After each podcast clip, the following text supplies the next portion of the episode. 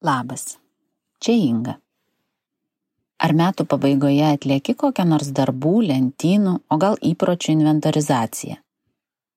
Prieš dalinant savo ir kitiems naujųjų pažadus, visai neblogai žvilgtelt, ar liks jiems energijos ir sveikatos. Šios savaitės audio knyga paliečia ypatingą ir dažnai dar labiau pamirštamą smegenų sveikatos temą.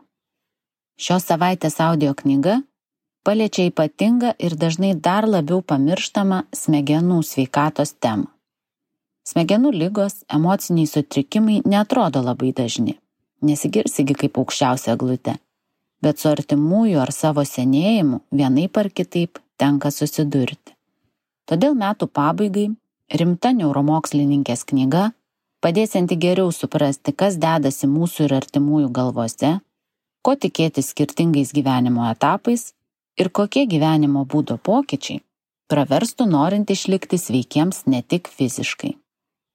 Daktarės Ramūnės Dirvanskienės audio knyga Kaip veikia smegenys. Neuropsichologė Ramūnė Dirvanskienė mokslų daktaro laipsnį įgyjo Edinburgo universitete. Universiteto klinikoje, pavadintoje Anne Rowling vardu, atliko smegenų lygų ir farmacinius tyrimus. Pažįstama pavardė Neapsirikai. Klinikos įsteigimą finansavo Hario Poterio autorė. Rašytojos mama mirė 45 metų nuo išsėtinės sklerozės. Jos atminimui ir buvo įkurtas centras, kuriame būtų ruošiami ateities mokslininkai, dirbantys su neurodegeneracinėmis lygomis. Viena iš tokių mokslininkių - naujos audio knygos apie smegenis autorė, šiuo metu dirbanti Lietuvoje. Apie ką ši knyga? Audio knygoje sužinosi apie didžiausią centrinės nervų sistemos dalį - smegenis, skirtingas jų dalis ir funkcijas.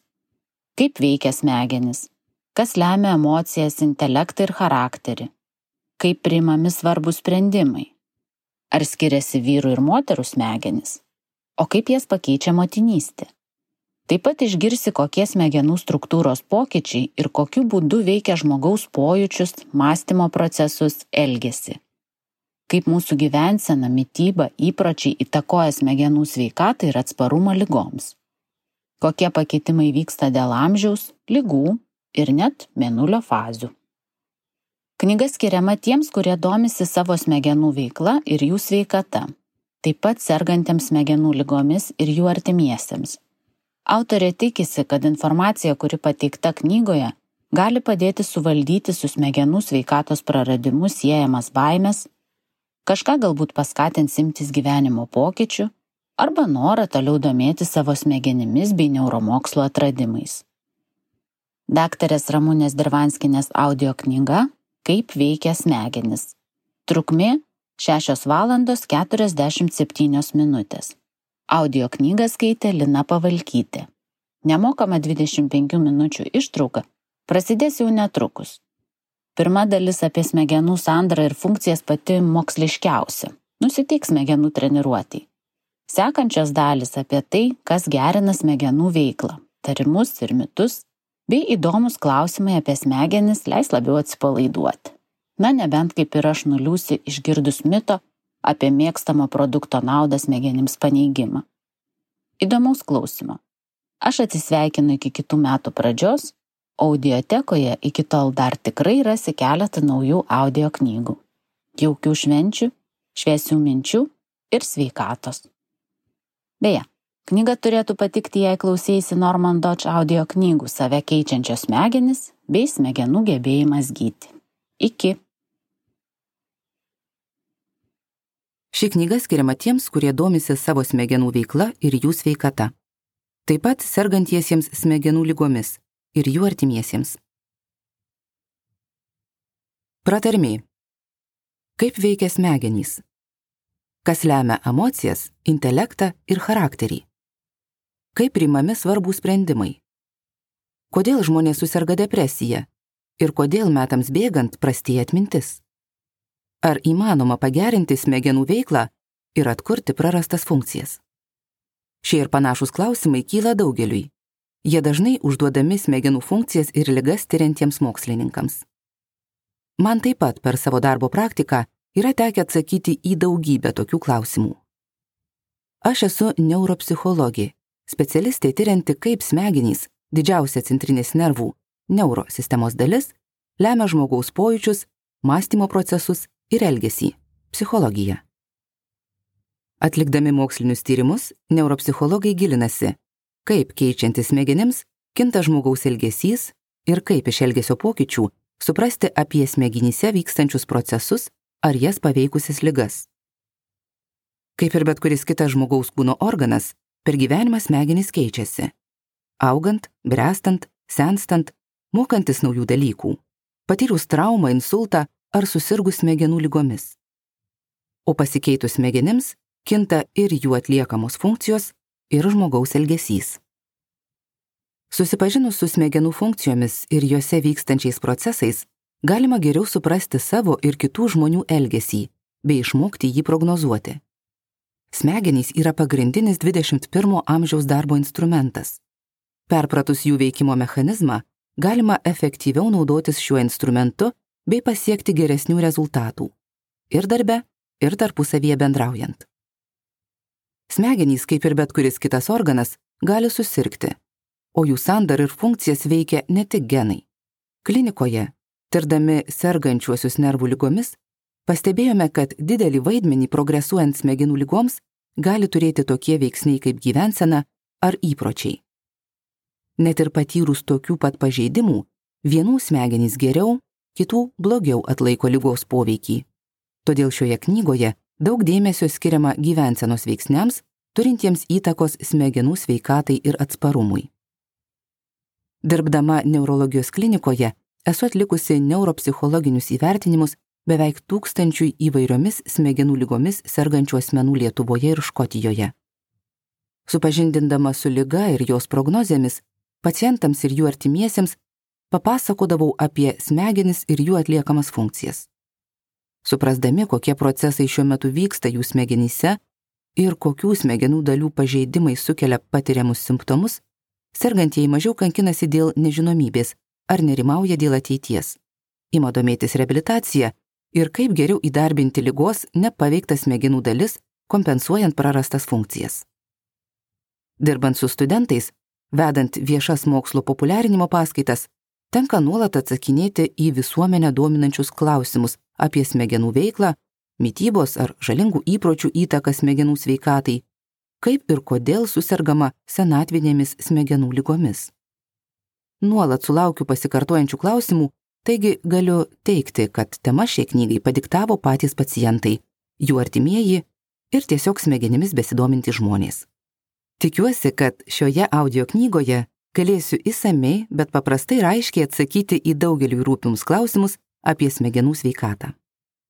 Nespecialistui sunku rasti patikimos ir lengvai suprantamos informacijos apie smegenis, jų lygas bei gyvensenos ar kitų veiksnių įtaką smegenų funkcijoms. Apie įvairių vaistų, maisto produktų ir kitų medžiagų poveikį smegenų veiklai prirašyta daugybė straipsnių spaudoje ir interneto portaluose. Tačiau ne visada ta informacija patikima. Kartais keliose straipsniuose pateikiama informacija netgi prieštarauja viena kitai nes specialistui sunku susigaudyti, kuriuo straipsniu tikėti, o kuriuo ne. Deja, nėra vienos knygos, kurią galėčiau rekomenduoti ir studentams, ir pacientams ar jų šeimos nariams. Bandant praktiškai paaiškinti, kaip veikia smegenys ir kaip jų pokyčiai koreguoja žmonių elgseną ar kokie veiksniai tam turi įtakos, teko perversti kalnus mokslinių straipsnių ir knygų. Be to, dauguma žinių sveikatos priežiūros specialistai įgyja per patirtį ir perdoda vieni kitiems iš lūpų į lūpas. Tad visa, ko mano nuomonė reikia bendram supratimui apie tai, kaip veikia smegenys, sudėjau į šią knygą - Įvada į smegenų mokslą. Knyga sudaryta iš trijų skyrių. Pirmame skyriuje supažindinama su smegenų sandara ir jų pagrindinėmis funkcijomis. Taip pat aprašoma, kas nutinka susirgus vieną ar kitą ligą, kai sutrikdoma kurios nors iš smegenų dalių atliekama veikla. Į antrą skyrių sudėta informacija apie smegenų veiklai įtakos turinčius veiksnius - gyvenseną, mytybą ir įpročius. Aptariami veiksmingi būdai, kaip pagerinti smegenų funkcijas ir nuvainikuojami populiarūs, bet nepagrysti mitai.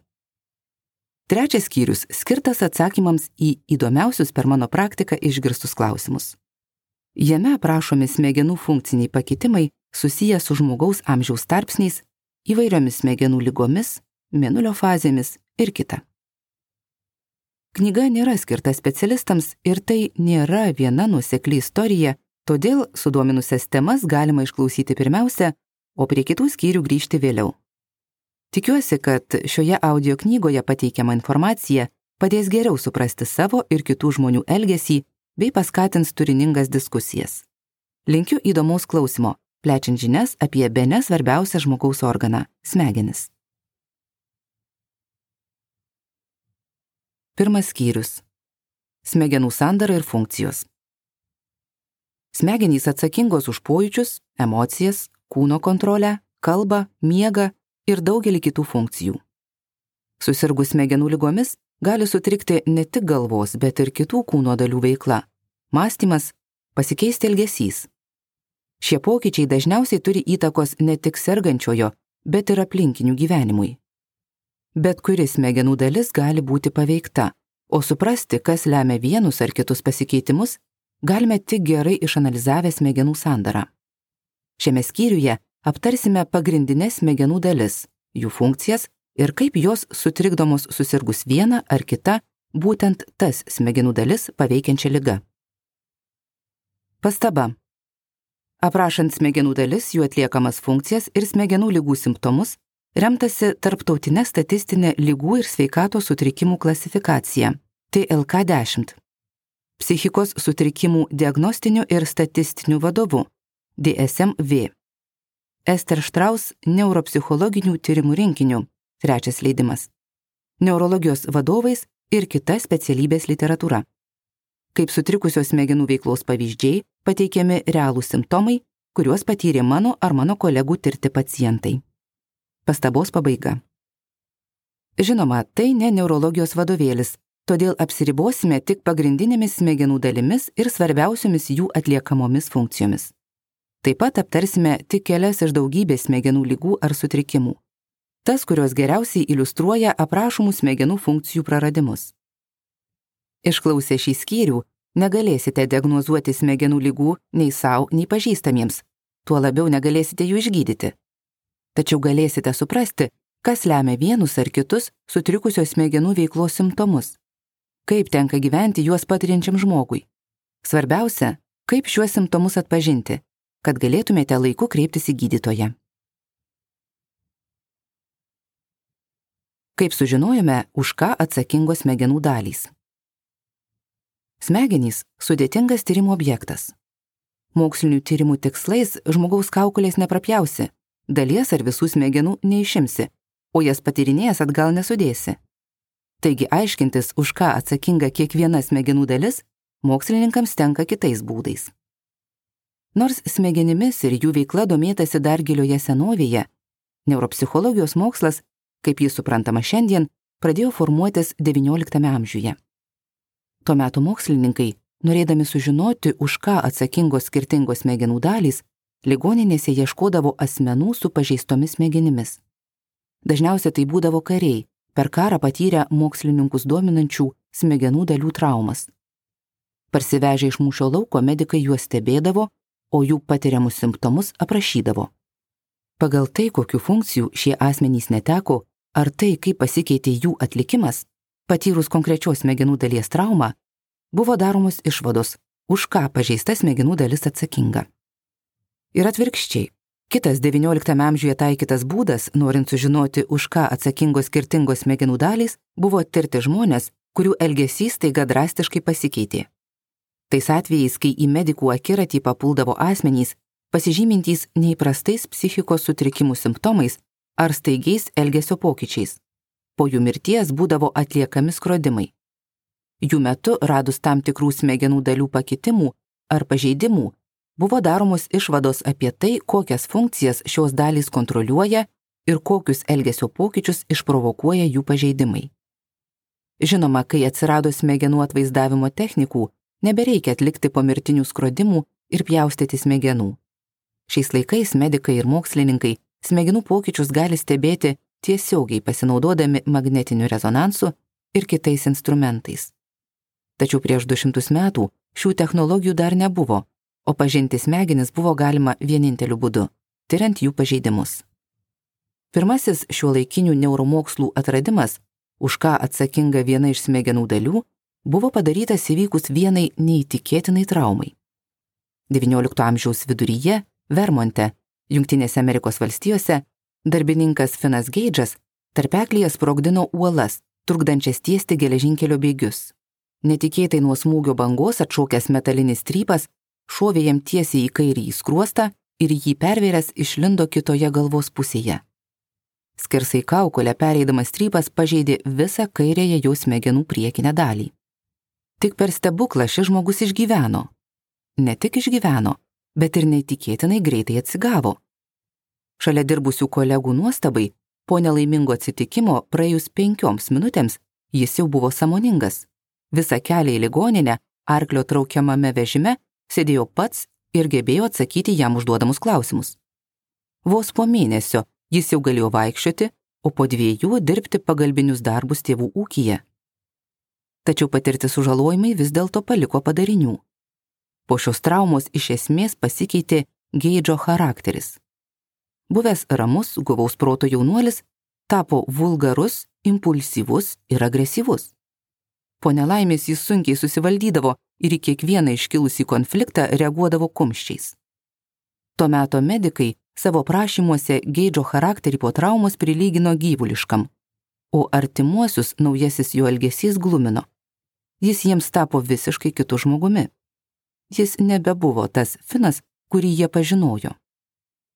Dėl skersai pervertos kaukulės ir šios traumos sukeltų drastiškų elgesio pokyčių Geidžo istorija netrukus patraukė tuo meto medicinos bendruomenės dėmesį. Remiantis šiuo atveju, pirmas įk nustatyta, kad kaktinės smegenų skiltis, ta, kurios kairėje pusė suardė strypas, atsakinga būtent už tas funkcijas, kurias šis žmogus prarado po pažeidimo - už savo veiksmų valdymą, impulsų slopinimą ir emocinį susitvardymą. Strypui pažeidus būtent kaktinę skiltį, ir suardžius šioje smegenų dalyje esančias struktūras, pasikeitė Geidžo elgesys. Jis tapo nevaldomas ir agresyvus. Neuromokslų istorijoje Geidžo trauma aprašoma kaip pirmas atvejis, kai buvo identifikuota, už kokias funkcijas atsakinga konkreti smegenų dalis. Tai davė postumį intensyviems smegenų tyrimams. Per ateinančius šimtmečius identifikuota bei ištirta ir daugiau smegenų dalių detaliai aprašant jų atliekamas funkcijas ir tarpusavio bendradarbiavimo mechanizmus. Šiandien jau galime įvardyti pagrindinės smegenų dalis ir jų atliekamas funkcijas. Tačiau atskleistos dar toli gražu ne visos smegenų paslaptys. Net ir šiais laikais mokslininkai kasdien atranda ką nors naujo. Kokios dalys sudaro smegenis? Mūsų kūne yra dviejos smegenys galvos ir nugaros - stuburo. Stubure esančios nugaros smegenys atsakingos už informacijos surinkimą iš viso kūno - rankų, kojų, vidaus organų ir taip toliau. Ir jos perdavimą į galvos smegenis, kuriuose ši informacija toliau apdorojama. Be informacijos apdorojimo galvos smegenys atlieka ir daugiau funkcijų, tokių kaip sprendimų paieška ar elgesio planavimas. Čia ne tik numatomas būsimas elgesys, bet ir atliekamos kūno kontrolės funkcijos. Iš čia siunčiami signalai numatytus veiksmus atliksenčioms kūno dalims. Galvos smegenis sudaro keturios pagrindinės dalys - smegenų kamienas, smegenėlės, tarpinės smegenys ir didžiosios smegenys. Struktūriškai tai pagrindinės galvos smegenų dalys. Juose yra informacijos perdavimo ir apdorojimo centrai, kurie atlikdami įvairias funkcijas nuolat tarpusavėje bendradarbiauja. Galvos smegenis supa smegenų skystis. Jis užpildo visus kaukolės ertmės plyšelius, palaiko smegenų struktūrą ir spaudimą, bei jas apsaugo. Smegenų kamienas jungia nugaros ir galvos smegenis. Juo iš viso kūno surinkta, stuburu atkeliavusi informacija perduodama į galvos smegenis toliau apdoroti. Smegenų kamienė taip pat išsidėstė centrai, atsakingi už įvairius refleksus ir gyvybinių funkcijų, tokių kaip kvepavimas, virškinimas, samoningumas ir kitą palaikymą. Tarpiniai smegenys yra virš smegenų kamieno, giliai smegenų viduje. Jie sudaro keletą smegenų dalių. Iš jų svarbiausios - gumburas ir pagumburis, kurie tarpininkauja perskirstant informaciją ir reguliuojant organizmo vidaus organų veiklą. Smegenėlės - kaukolės ertmės apačioje esanti smegenų dalis, sudaryta iš dviejų simetriškų pusrutulių. Smegenėlėse apdorojama daugiausia su judesiais ir pusiausvyra susijusi informacija. Didžiosios smegenys sudarytos iš dviejų pusrutulių, kurių paviršius padengtas smegenų žieve. Šis susideda iš nervų ląstelių branduolių, kuriuose analizuojama į smegenis atkeliavusi informacija ir priimami sprendimai dėl tolesnio elgesio. Skiriamos keturios jos dalys - kaktinė, smilkinių, pakaušio ir moments skiltys. Kiekviena jų atsakinga už vis kitokio pobūdžio informacijos apdorojimą. Smegenų žievę sudaro pilkoji medžiaga, nervų ląstelių branduoliai, kuriuose analizuojama į smegenis atkeliavus informacija ir priimami sprendimai dėl tolesnio elgesio o pusrutulių vidus sudarytas iš baltosios medžiagos - neuronų ataugų skaidulų. Neuronų skaidulomis skirtingos smegenų dalys bendrauja ir dalyjasi informacija per impulsus. Ypač daug skaidulų yra didžiojoje smegenų jungtyje, esančioje pačiame smegenų centre ir jungiančioje didžiuosius smegenų pusrutulius. Giliai smegenų pusrutulių viduje yra limbinė sistema, kurią sudaro daugybė tarpusavėje sujungtų neuronų centrų. Nors tai nėra atskira smegenų dalis, greičiau kelių į vieną sistemą susijungusių smegenų centrų visuma, tačiau jie atsakinga už tokias žmogui svarbias funkcijas kaip emocijos, motivacija, atmintis ir uoslė. Limbinė sistema yra išsidėščiusi per tarpinių ir didžiųjų smegenų struktūras ir apima gumburą, pagumburį, uodžiamą įstormenį, migdolinį kūną ir hipokampą - amonoragą. Įdomu. Nors skirtingos smegenų dalys paprastai atsakingos tik už joms priskiriamas funkcijas, svarbu pabrėžti, kad dauguma sudėtingų funkcijų, pavyzdžiui, tokių kaip dirigavimas orkestrui ar matematikos uždavinio sprendimas, neapsiriboja viena smegenų dalimi. Į procesą įtraukiami keli smegenų centrai. Tik jiems darniai dirbant ir jų atliekamoms funkcijoms papildant vieną į kitą, pasiekiamas rezultatas. Daugumo žmonių smegenys veikia panašiai, atliekant tas pačias funkcijas dalyvauja tos pačios smegenų dalys. Tačiau išskirtiniais atvejais, patyrus traumą ar kitaip praradus tam tikros smegenų dalies gyvybingumą, kai kurias prarastos smegenų dalies funkcijas gali perimti ir taip pat veiksmingai atlikti kitos smegenų dalys. Šis smegenų gebėjimas keistis ir prisitaikyti vadinamas plastiškumu. Didžiausiu plastiškumu pasižymi vaikų smegenys, o su amžiumi smegenų gebėjimas prisitaikyti mažėja. Šiame skyriuje šalia išvardytų smegenų dalių nusakomos svarbiausios jų atliekamos funkcijos bei pagrindiniai simptomai atsirandantys šias funkcijas sutrikdžius. Tačiau svarbu pabrėžti, kad į daugumos sudėtingų užduočių atlikimą įprastai traukiamos kelios smegenų dalys. Todėl net ir skirtingų smegenų dalių pakitimai kartais gali sukelti panašius simptomus. Smegenų kamienas. Smegenų kamienas yra jungiamoji stuburo ir galvos smegenų dalis. Per jį pereina ir motorinė apie kūno judesius ir sensorinė apie kūno pojūčius informacija. Nervų surinkta iš įvairių kūno dalių - rankų, kojų, odos, vidaus organų ir taip toliau. Per smegenų kamieną taip pat pereina ir galviniai nervai, atnešantys informaciją surinktą iš galvos, veido ir kaklo. Iš kūno surinkta informacija per smegenų kamieną perduodama galvos smegenims - informacijos apdorojimo centrui. Smegenų kamienas evoliuciškai seniausia žmogaus galvos smegenų dalis, sandara ir funkcijomis panašiausia į gyvūnų smegenyse esančius atitikmenis.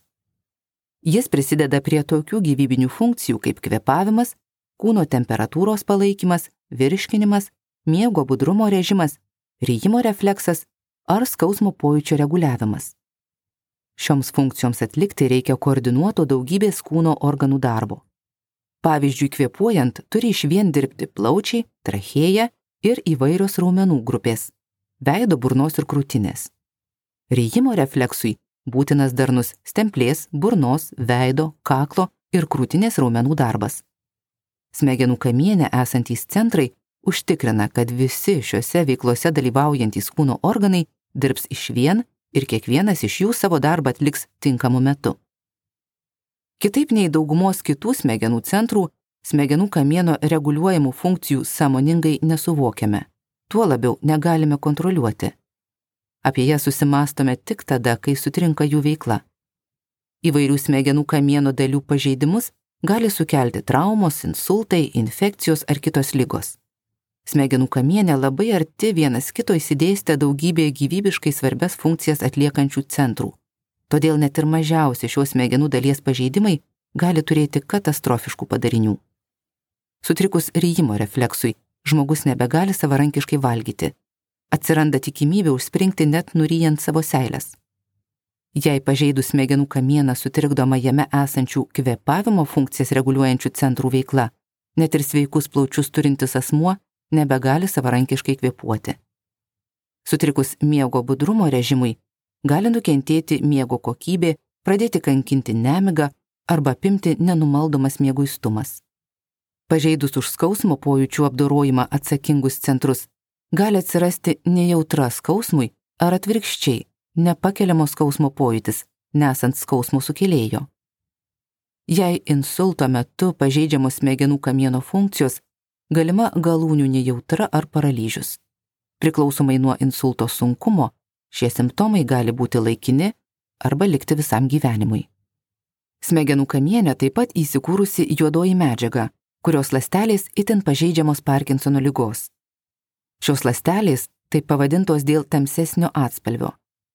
Be kitų atliekamų funkcijų, jos atsakingos už judesių reguliavimą ir tikslumą.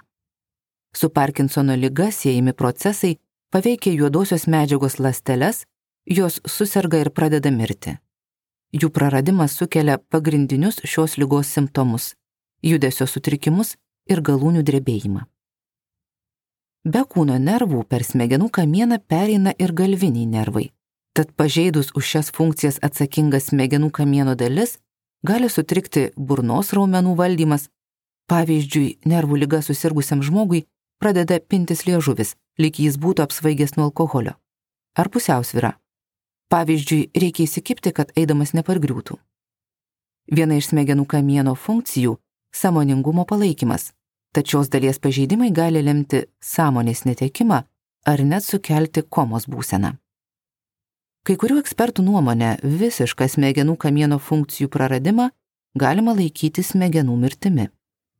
Jei atliekantis samų klinikinį patikrinimą nepavyksta sukelti smegenų kamieno refleksų, neveikia kosėjimo, žiaukčiojimo, mirksėjimo ar kiti refleksai, akių vyždžiai šviesoje nemažėja, į stimulaciją skausmu nereaguojama ir nevyksta su kvepavimu susiję judesiai, gali būti konstatuojama smegenų kamieno mirtis.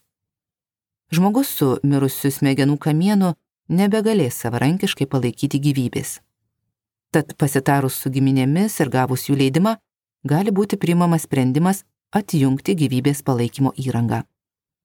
Tačiau prieš priimant tokį sprendimą visada įsamei atliekami ir kiti tyrimai, kad būtų užtikrinta, jog šie smegenų kamieno funkcijų praradimai nėra laikini ar sukelti kitų pagydomų priežasčių.